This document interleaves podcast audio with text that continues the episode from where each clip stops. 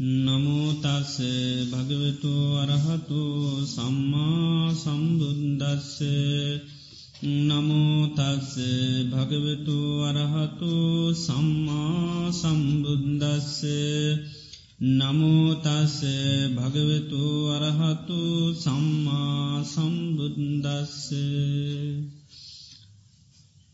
මනෝකුබ්බං ගමා දම්මා මනෝසෙට්ටා මනෝමයා කියලා බුදුරජාණන් වහන්සේ දේශනා කරලති. මනෝපුබ්බං ගමා දම්මා කැන හැම දේකටම පූර්වාංගමදේ ප්‍රධානදේ මනසකි. මනෝසෙට්ටා කෙන ලෝකයේ වටිනාම අසිදු මද්දේ මනස. ඊළඟට මනෝමයා කැන්නේ හිතෙන් තමයි ලෝකෙ හැමදේකම සකස් කිරීම තියෙන්. සාමාන්‍යයෙන් ගත්තම් අපේ ජීවිතය මේ කය ඒ වගේ මනස කියල දෙකක් තියෙන. දැ මේ දෙකින් ප්‍රධාන දේ හැටියට සාමාන්‍ය ලෝකෙ සලකන්නේ කය තමයි ප්‍රධාන දේ හැටියට. මනස ප්‍රධාන දේ හැටියට සාමාන්‍ය ලෝකෙ සලකන්නේ නෑ. කය තමයි ප්‍රධාන දේ හැටියට. මනස ප්‍රධාන දේ හැටියට බුදුරජාණන් වහන්සේ තමයි දේශනා කරන්න සාමාන්‍ය ලෝකේ මනස ප්‍රධාන හැටියට දකින්නේ. ඒ නිසාම තමයි ලෝකේ ගත්තහම කයහා සම්බන්ධුව දේවල්වලට තමයි ලෝකෙ ගොඩ නැගිලතිී. කය ආරශ්ා කරන්න කය පෝෂණය කරන්න කය සතපවන්න මේ විදිහේ වැඩ පිළිවල තමයි ලෝක තියෙන්නේ ඒ හා සම්බන්ධුව තමයි අපේ සියලු වැඩ පිළිවෙලවල් තියෙන් අපි ගෙනගයා කන්න රැකී රස්සා කරන්නේ ඒ සෑම කටයුත්තම්ම සිද්ධ කරන්නේ මේ කය ආරශ්ා කරන්න කය පිනවන්ඩ ඒ දේවල් වලට තමයි ඒ සෑම කටයුත්තක්ම කරන්න. තිං නමුත් බුදුරජාණන් වහන්සේ තමයි මේ මනස ප්‍රධාන දේ හැටියට සලකන්නේ. බුදුරජාණන් වහන්සේ වැඩඉන්න කාලේ ආගමික නායකයම් පවා මේ මනස ප්‍රධාන දේ හැටියට පිළිගත්ති නැහැ.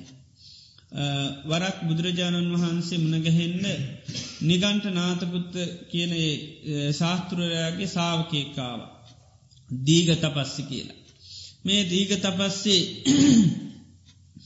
මේ බුදුරජාණන් වහන්සේ ළඟට ඇවිල කතාබහ කරලා ඒවෙලා බුදුරජාණන් වහන්සේ ඇහුවා මේ දීග තපස්සි කියන නිගන්ට සාාවකයගෙන් නිගන්ට නාතපුත්ත මේ කාය කර්ම වචී කර්ම මනෝ කර්ම කියලමේ තියෙනවා මේ වයි මේ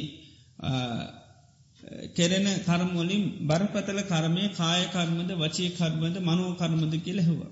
එතොට මේ දීග තපස් සුත්‍ර දුන්නා අපේ ශාස්තුවරයා කම්ම කම්ම කියල කතා කරන්නේ අපි කතා කරන්නේ දණ්ඩ දණ්ඩ දණ්ඩ කියලතමයි කතා කරන්න. එතොට අපි කියන්නේ කාය දණ්ඩ වචී දණ්ඩ මනෝ දන්න කියලා. තොර බුදුරජාණන් වහන්සැව්වා ඔබගේ සාතුරය කාය දණ්ඩ වචී දන්න මනුව දන්ම වෙන්වෙන් වසේන්ද නැත්තන් එකක් හැටියෙන් එතරකව කාය දණ්ඩ කියන්නේ එකක් වචී දණ්ඩ කියන්නේ එකක් මනෝ දණ්ඩ කියන්නේ එකක් කියලා. තොට බුදුරජාණන් වහන්සේහව තෝට මේ කාය දණ්ඩ වචී දණ්ඩ මනෝ දණ්ඩ කියනමේ තුනේ බරපතල එක හැටියට මොකක්ද ඔබගේ ශාස්තුරයා ප්‍රකාශ කරන්න. තොරකිවා කාය දන්න තමයි ප්‍රධාන එක. වචී දණ්ඩුවත් මනුව දණ්ඩුවත් නෙවේ මේ කාය දණ්ඩ තමයි ප්‍රධානම දේ හැටියට අපේ ශාත්වරය ප්‍රකාශ කරන්න. තර බුදුරජාන් වන්ස තුන් අතාවක් මැහව කාය දණ්ඩමද ප්‍රධාන දේකට තුරක්ව තුන් අතාම කාය දණ්ඩ කියලා. තොට බුදුරජාන් වහන්සේගෙන් එයා ඒ විදිහට පෙල්ලැහව ඔබහන්සේ ගෞතමයන් වහන්සේත් මේ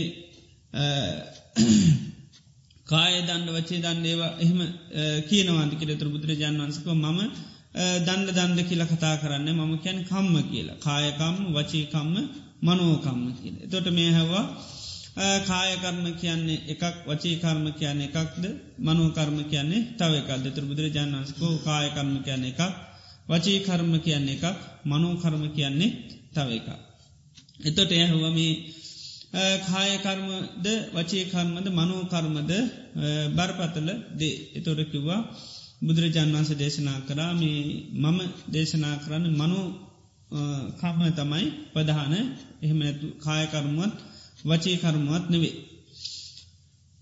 එයත් එයත් අර විදිහ බුදුරජාන් වහන්සකි වගේ තුන් අතාක්ම වෙතර තුන් අතාය බුදුරජාන් වන්ස පිළිතුර දුන්න මනෝ කර්ම තමයි බලගත්තු කියලා. ඊට පස්ස මේ දීගත පස්ස බුදුරජාන් වහන්සිත එක් කතා කරලා ගිය ඕගේ නාය කියළඟ නිගන්ට නාට පුත්තළඟ. ඒ යනකොට විශාල පිටිසක් එක ගිහි පිටිසක් එක්ක සාකච්ඡාවක හිටිය නිගන්ට නාට පුත් ඉතින් අර දීග තපස්සි කියන්න තව සයනකොට ඇහවා.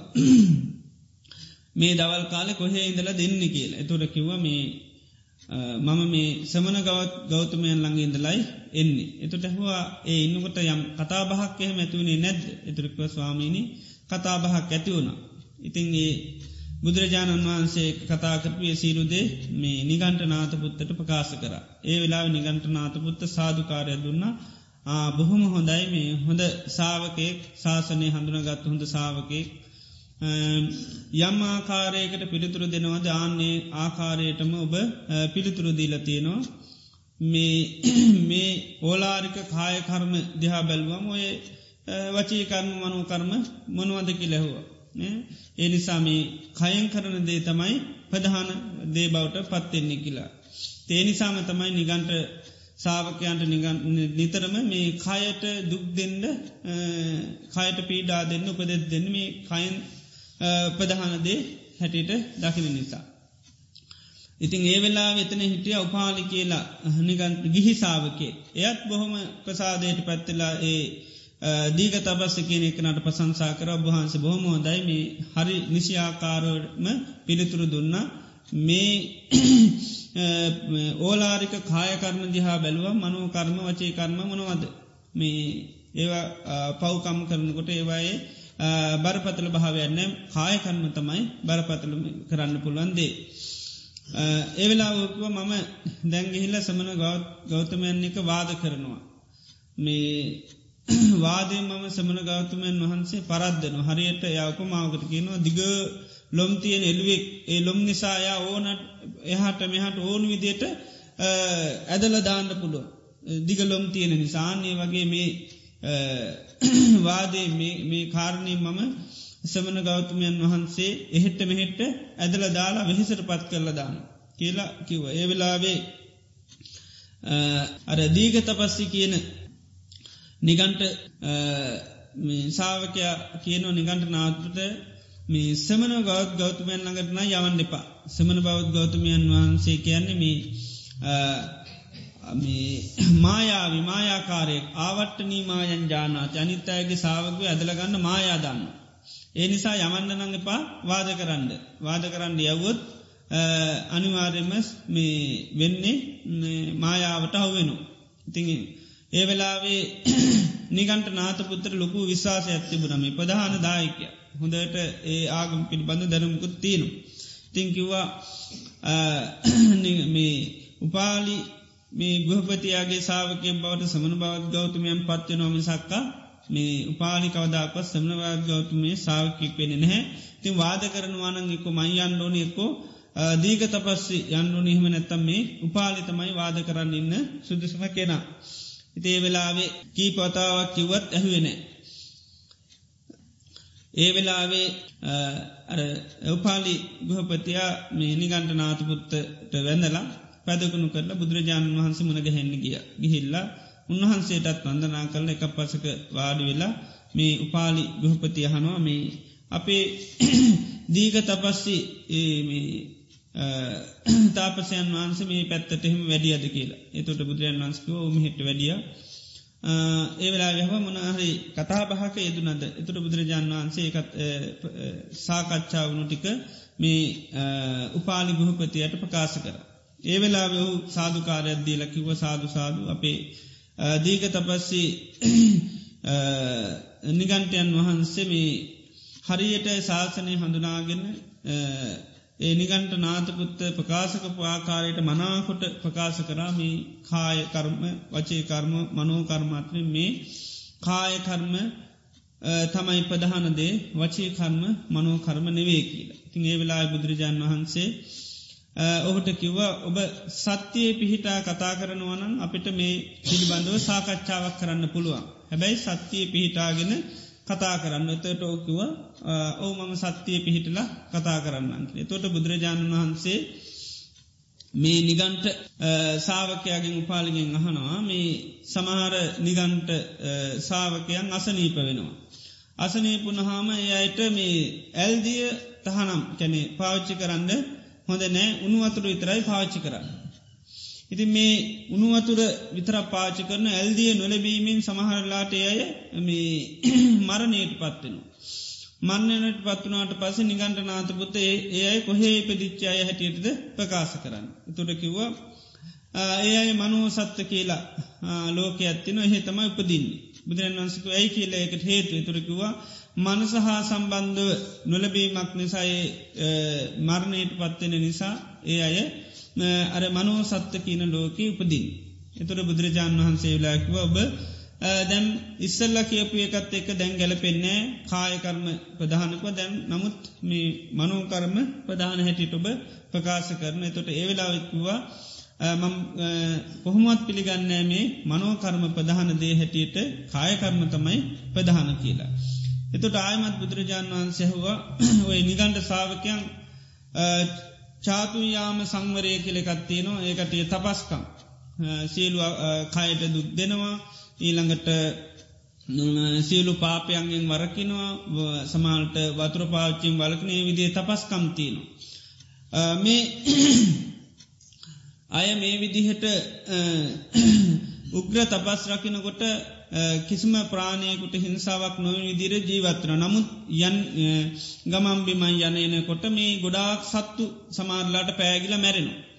එතවට නිගන්ට නාතපුත්ත ඒක මොගක් හැටියට දේශනාකා නතරකිවා ඒ විදිහේ නොදනත්ව සත්තු මැරුණහම ඒවා මහා වරදක් හැටියට ප්‍රකාශ කරන්න මකද දන්න ඇති නිසා. යනින්ගෙන කොට කායට පෑගිල සත්තු මැරුණට මේ ඒවා බරපතල අකුසල් හැටියට ප්‍රකාශ කරන්නේ මමකද මේ චේතනාවක් නැති නිසා. එතොට බුදුරන් වන්සේහව හිතලකරොත් හිතලකරොත් ඒක ලොකු පාපයක් හැටියට ප්‍රකාශ කරනවා.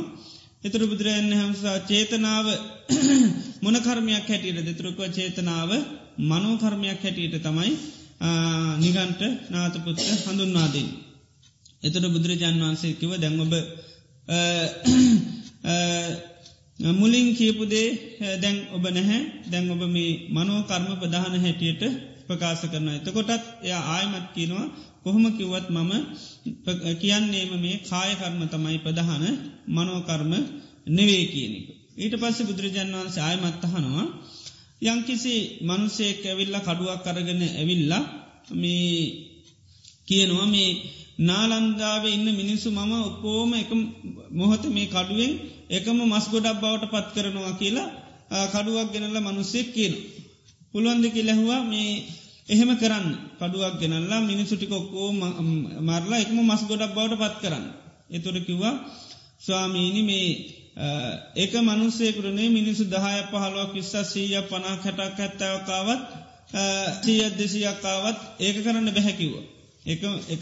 මේ මිනිසුටික මේ උමරල මස් ගොඩක් කරන්න බෑක්ව විශාල මිනිසු පිරිසක් කාවතිද එක්කෙනෙකුට කොහොමත් කරන්න බැහැ කියලා. එතුර බුදුරජන් වන්සේයාගෙන් ඇහවා යම් කිසි හිත දියුණු කරපු සිත වසී භාවයට පාත්‍රවුණු යං ශ්‍රමණය බ්‍රාහ්මණය කැවිල්ල කියනවා. ඒ කාල හිටයි විවිධ විදියට හිත දියුණු කරපු අය.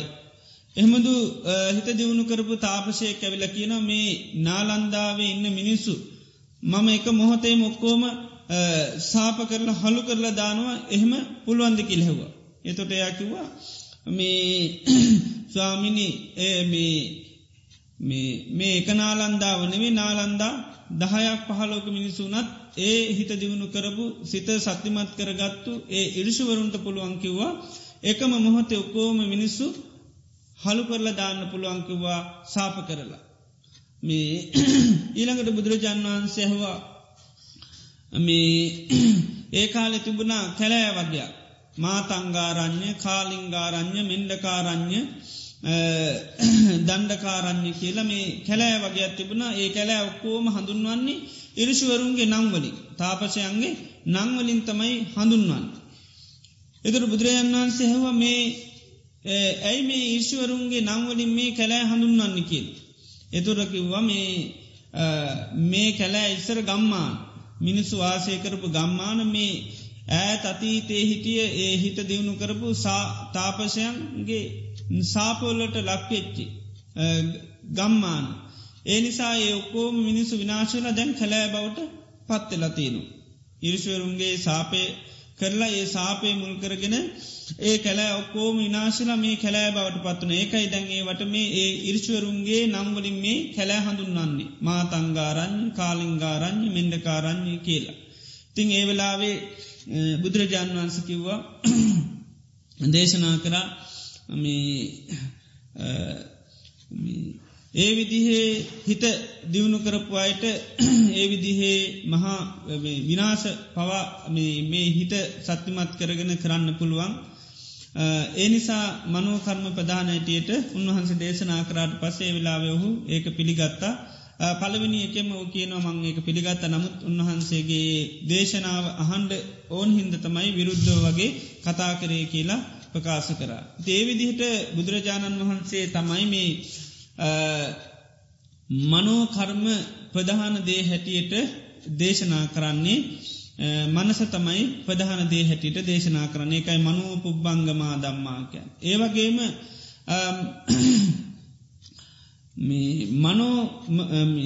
මනෝ සෙට්ට ලෝකේ වටිනාම අසිරමත්දේ මේ මනස හැටියට බුදුරජාණන් වහන්සේ දේශනා කරනවා. සාමාන්‍යින් උන්වහන්සේ දේශනා කරන ලෝකේ විවිධාකාර හානි වෙනවා. ඒ හානිවලිදිින් යම් කිසි කෙනෙගේ සිත විපර්යාශයට පත්වෙනවා නම් ඒක තමයි ප්‍රධානම හානි හැටියට දේශනා කරනවා. අනිත් මනදේ විනාශ වනත් හිත විනාශ වනොත් එහෙම ඒක තමයි ලොකුම හානිය බවට පත්වෙනවා. ඒවගේම හිත නොමග ගියොත් ඒ තරන් තවත් හතුරුකමන් ලෝක නැහැ කියලා කියනවා. ඒ විදියට මේ ජීවිතේ මේ මනස තමයි වටිනාම දේ බවට පත්වෙන්නේ. ඒවගේ බුදුරජාන් වහන්සේ දේශනා කරන මනෝමයා හිතින් තමයි ලෝක හැම දෙයක්ම හදන්. සාමාන්‍යින් ගත්තහම බාහිර ලෝකේ තියෙන්නේ නිමිති පමණයි. දැන් දුක කරදර පස්න පීඩා සිත්තැවුල් අමනාපකං මේ හැමදේකම නිර්මාණය තියෙන්නේ මනස තුළ හිතින් තමයි හදන්න. බාහිර ලෝක හැමදේකම තියෙන නිමිති පමණයි.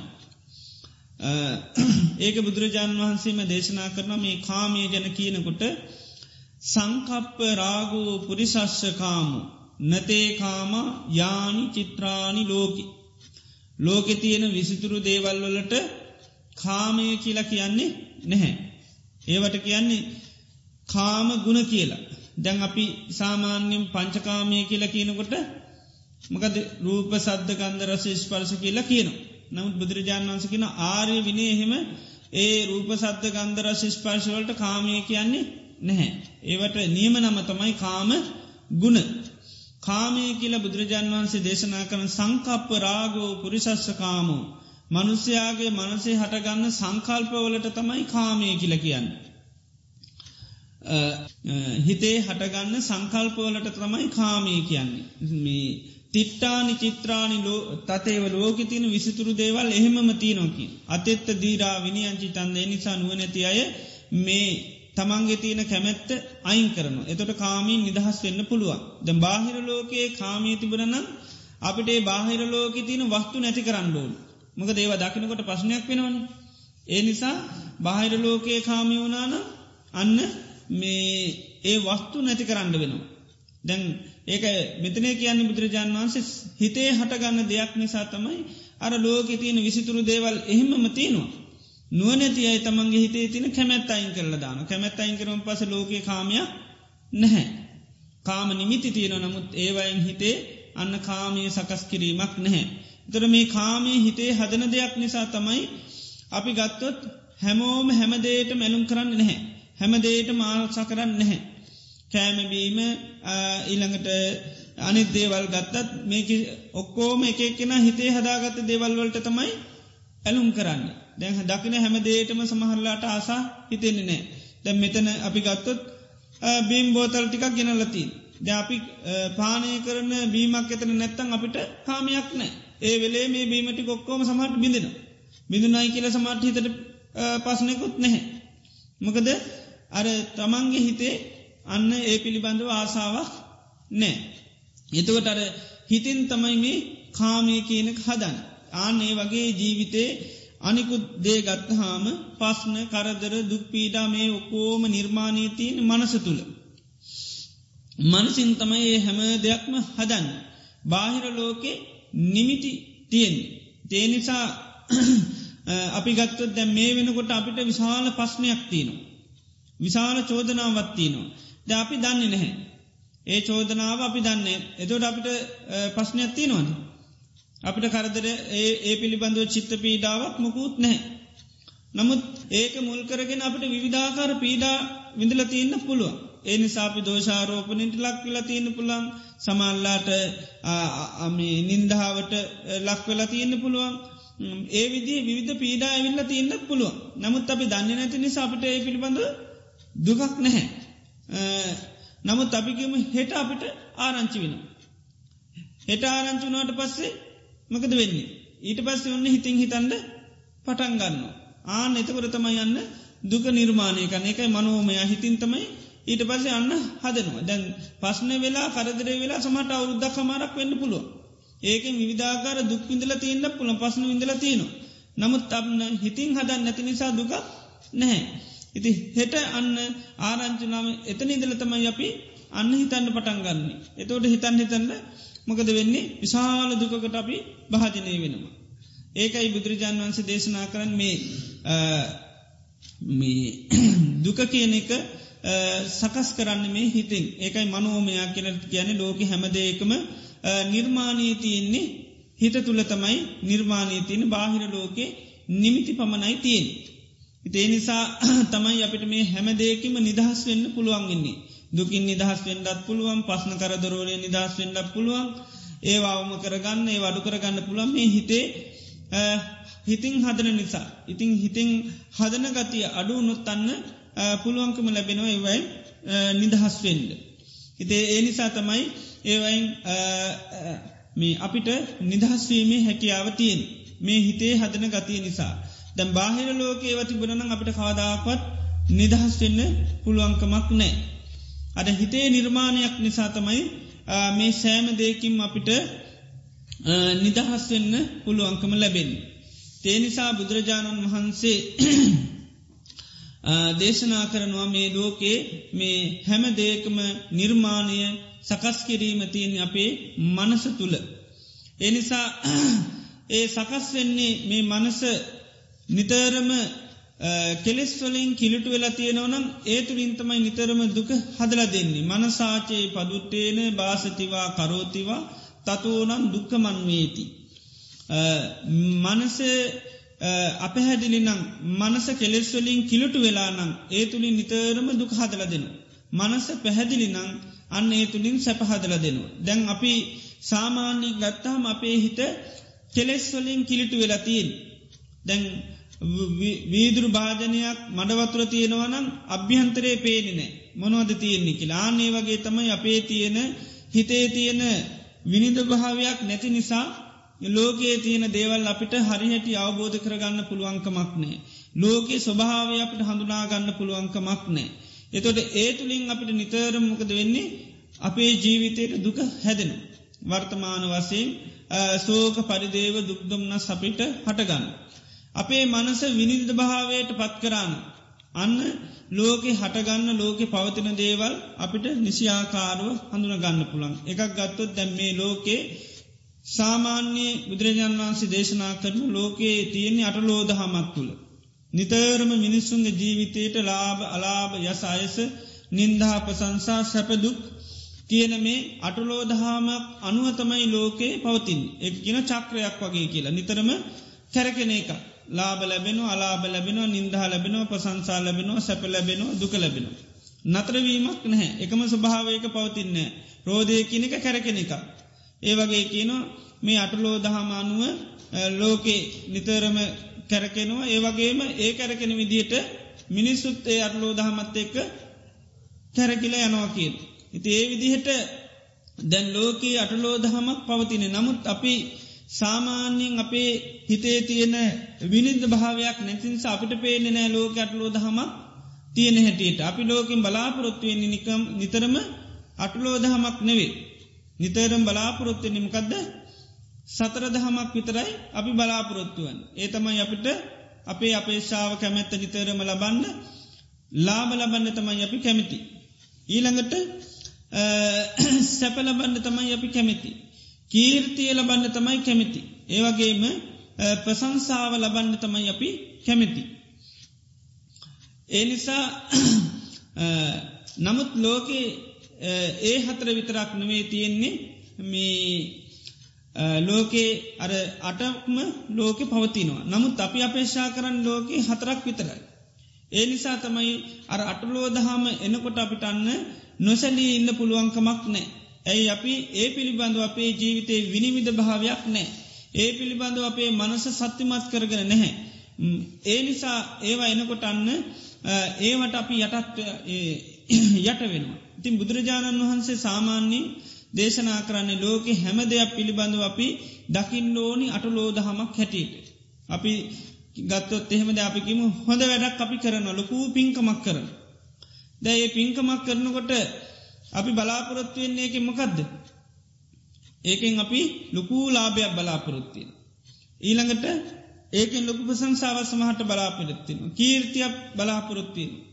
ඊළඟට මේ ලොකු සැපයක් ඒකෙන් බලාපොරොත්තියෙන.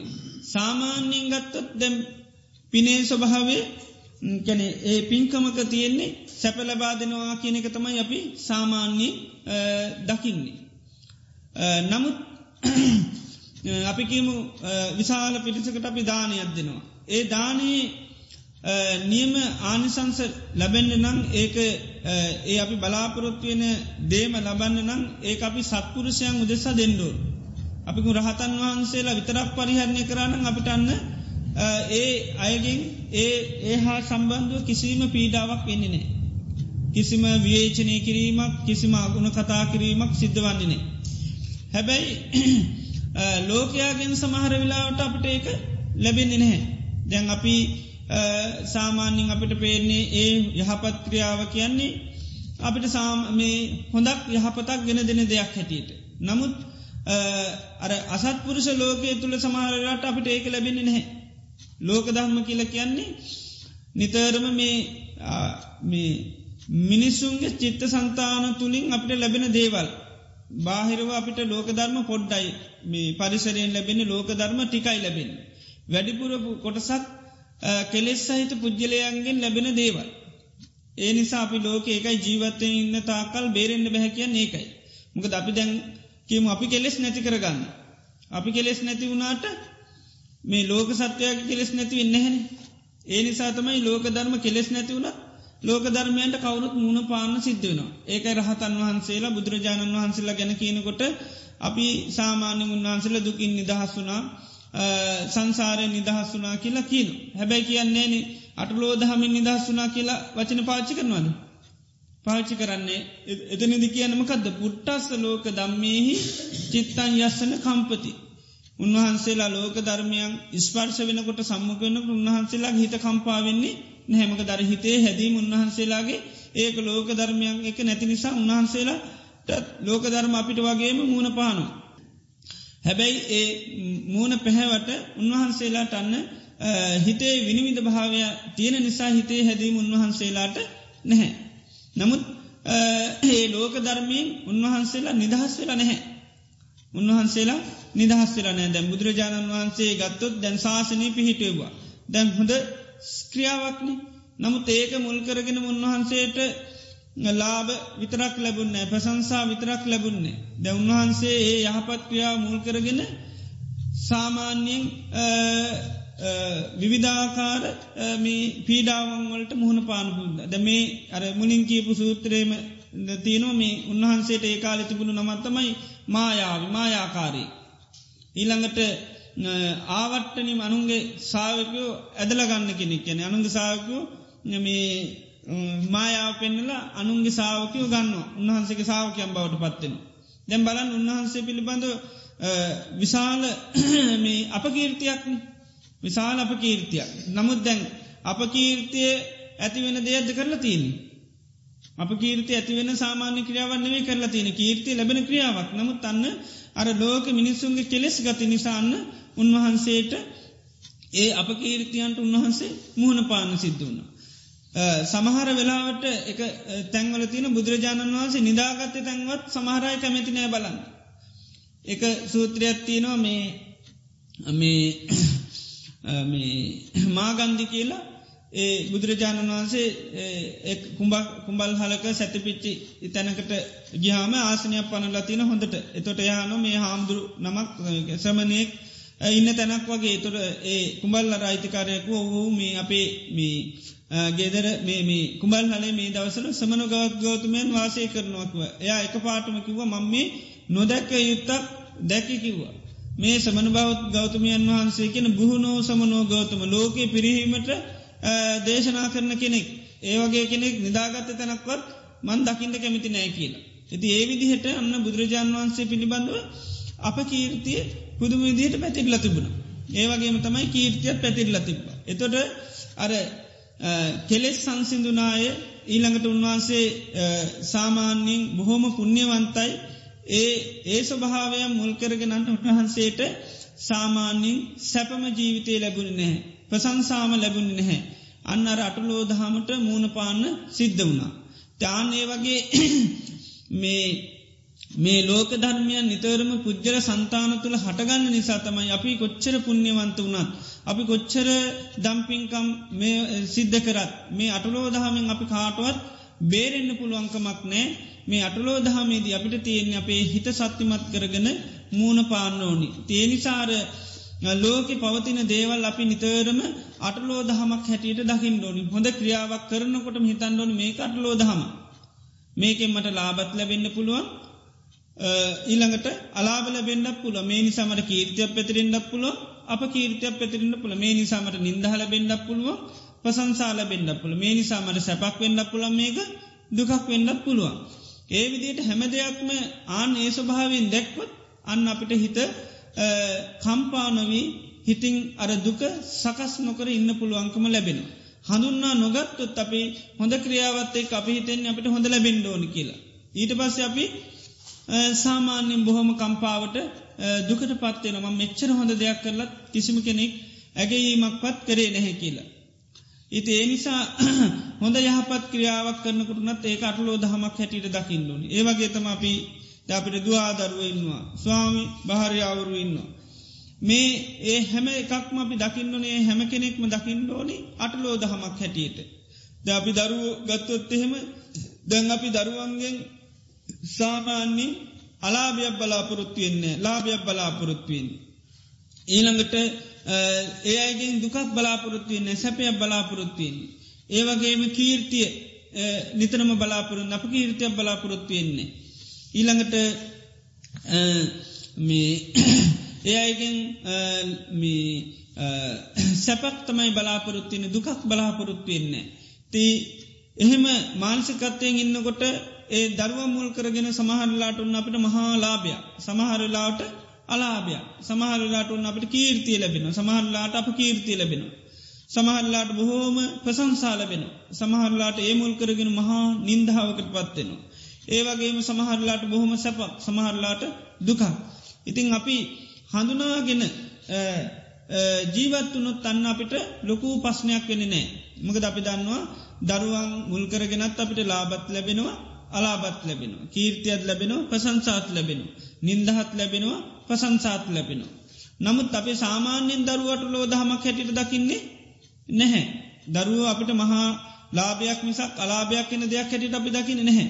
නමුත් ඒ දරුව තුළ ඒ අර අටලෝදහාමම අපිට ගෙනල්ල දෙනවා. ඒ විදිහට ගත්තාමර ලෝකේ හැමදේ තුළින් අපිට මේ අටලෝ දහම කියනක සම්මක වෙනවා ඒ නිසා බුදුරජාණන් වහන්ස අපේ හිත සත්තිමත් කරන්න නිතනම හිතන්න කියනවා මගේ මේ ලෝකයේ ස්වභාවේ තමයි ලාබත් ලැබෙන අලාබත් ලැබෙන කීර්තියත් ලැබෙන අප කීර්තියත් ලැබෙන නින්දහත් ලැබෙන ප්‍රසංසාත් ලැබෙන සැපත් ලැබෙන දුගත් ලැබෙන මේ ලෝකයේ ස්වභාවයකින ඒ නිසා මම මේ ලාබ අලාබ යස අයස නින්දහ පසංසා. සැපදුක් මැඩගෙන මැඩගෙන වාසය කරනවා කියල නිතරම සිහි කරන්න කියන. මේ ලෝකයේ ස්වභාවය මේකයි එනිසා මම මේ ලාබාලාභ යසායස නින්දා ප්‍රසංසා සැපදුක් මේ සියල්ලම මැනගෙන ලාභයක් කෙනකොට ඒකට යටවෙන්නෙත් නෑ අලාබේදී කම්පාවෙන්නෙත් නෑ. ඊළඟට කීර්තියක් ලැබෙනකොට ඒකට යටවෙන්නෙත් නෑ අප කීර්තියේ කම්පාවෙන්නෙත් නැහැ.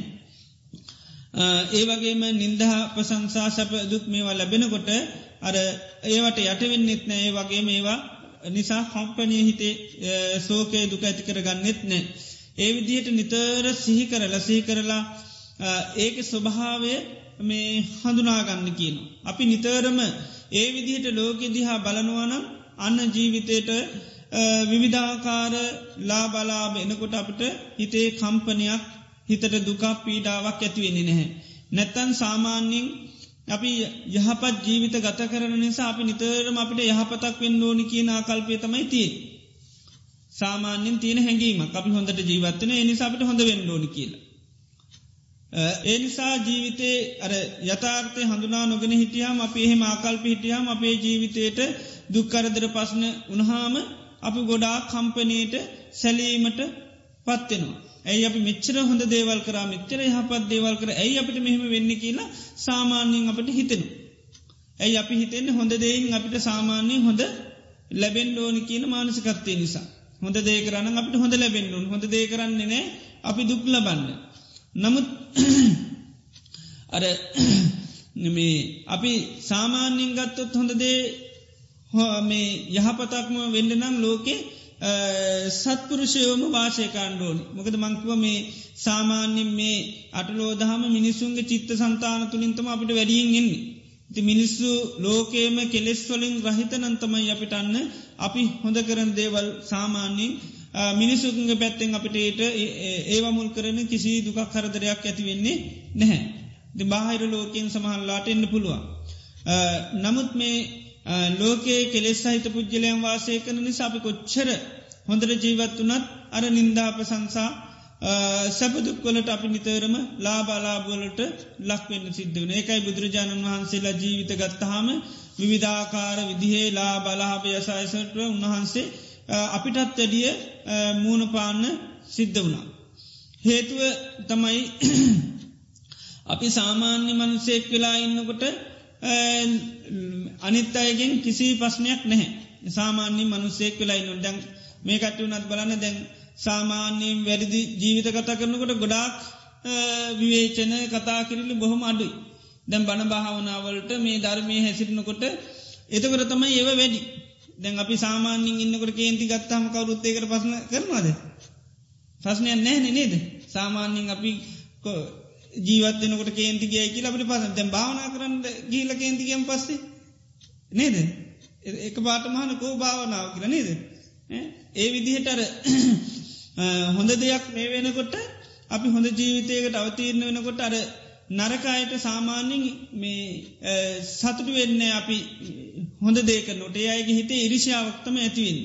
තේ ඉරිෂා මුල් කරගෙන තමයි නිතරම් බලන්න අපි පහත්තත්තට පත් කරන්න.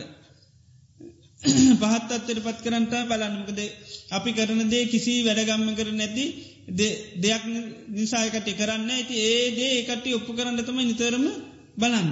ඉති ඒනිසාර ඒ මිනිසුන්ගේ ඒ සිත්වල හටගන්නේ කෙලෙස් ස්වභාවයන් නිසා අපි යන්න නිතරම මේ අර වගේ දේවල්වලට මුහුණ පාන්න සිද්ධ වෙනවා. ඒ නිසා මේ අටලෝ දහම කියන අපි හොඳට තේරුම් ගන්නවන මේ කෙලෙස් සහිත පුද්ගල චිත්ත සන්තාන තුළින් හටගන්න. එනිසා අපි රහත් වනත් ඒවයින් අපිට ගැලවෙන්න පුළුවන්කමක් නෑ. අපි හෙට රහත්තුනයි කියලා අපේ අපිට තියෙන නින්දහටික නතර වෙන්න නෑ. හෙට රහත්තුනයි කියලා අපිට තියෙන අලාපටික නතර වෙන්න නැහැ. හෙට රහත්තුනයි කියලා අපේ අප කීර්තිය නැතිවෙන්න නැහැ. ඒටික ඔක්කෝම හෙට හෙටත් තියනවා. ඇබැයි හෙට ස්වභාවේ තමයි අපි ඒවා අන්න මනසිංයේ දේවල් පිළිබඳව සිතන්නේ කල්පනා කරන්නේ නැහැ. ඒක ලෝක ස්වභාවයක් හැටියට අපි දකිනවා. කෙලෙස් මිනිසුන්ගේ සිතේ කෙලෙස් නිසාහට ගත්ත දෙයක් හැටියට දකිනවා. ආන නිසා හෙට අපිට ඒවා මුල් කරගෙන අන්න දුකක් නෑ නමුත් අර අටලෝ දහම හෙටත් තියනවා. ඒව නතර වෙන්නේ නැතිවෙනමුකුත් නැහැ. අන්න ජීවිතේ අර ධර්මය පැත්තෙන් සත්‍යමත් කරගත්තාම. මනස විනිවිද දෙයක් බවට පත්කර ගත්තහම අන්න අර දුක හෙට අපිට ඒවමුල් කරගෙන හටගන්න එකයි මනසාචයේ පද පසන්නේන භාසතිවා කරෝතිවා තතුවනන් සුකමන්වේතිකැන සැපගෙනදර නිතරම දුක හටගන්නේ නැහැ. ඒව මුල් කරගෙන හිතේ දුක නිර්මාණය කරන්න නැහැ. ඉතිං අන්න ඒ නිසාමේ ලෝකයේ තියෙන මේ අටලෝ දහම පිළිබඳව අපි අවබෝධයෙන් නොනේ වගේ නිතරම ඒ පිළිබඳව බුදුරජාන් වන්ස කියන්නේ නිතරම ඒ සිහි කරන්න කින මේ ලෝකෙ මෙමදු ස්වභාවෙන් යුත්ත එක. එනිසා මම මොන විදිහේ ජීවත් වනත් මොන කටයුතු කරත් මේ අටලෝ දහමට මම ඒකාන්තෙම මුණ පාන සිද්ධ නිසා මේ අටලෝ දහමේදී මම මේ ලා බලාබ මේ වැෑදි හිත කම්පා කරගන්නනෑ මේවට යටනෙන්න පාලියන්කින අභිභූය අභිභූය වියරිස්සාමි මම ඒවා මැඩගෙන මැඩගෙන වාසය කරනවා කියල හිතන්න කියනවා. අභිභූය අභිවිය කෙනෙව පාගන පාගන ස්රහට යන ඒවායිද ජීවිතය යටවෙන්න දෙන්නේ නැහැ. දේවිදිහට අපේ ජීවිතය මෙන්න මේ ධර්මය තුළින් මේ මනස සත්‍යමත් කර ගැනීමෙන් පුළුවන්කම ලැබෙනවා. ඒකයි බුදුරජාණන් වහන්සේ අර බාහිර ලෝකයේ දේවල්වලට වැඩිමේ මනස වටින්නේ මනස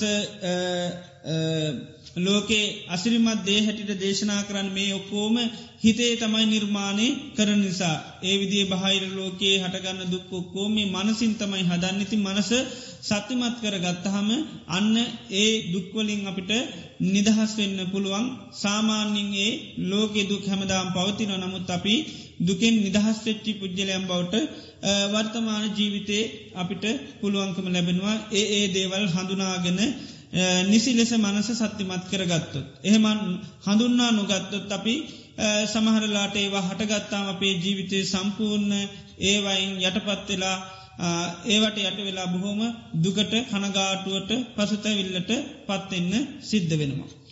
ඉති එනිසා ඒ ස්වභාවය හඳුනාගෙන ජීවිතය පවත්වාගෙන ගියොත් අන්න ඒ වැයිදි කම්පා නොවී ඉන්න පුළුවන්කම ලැබෙනවා.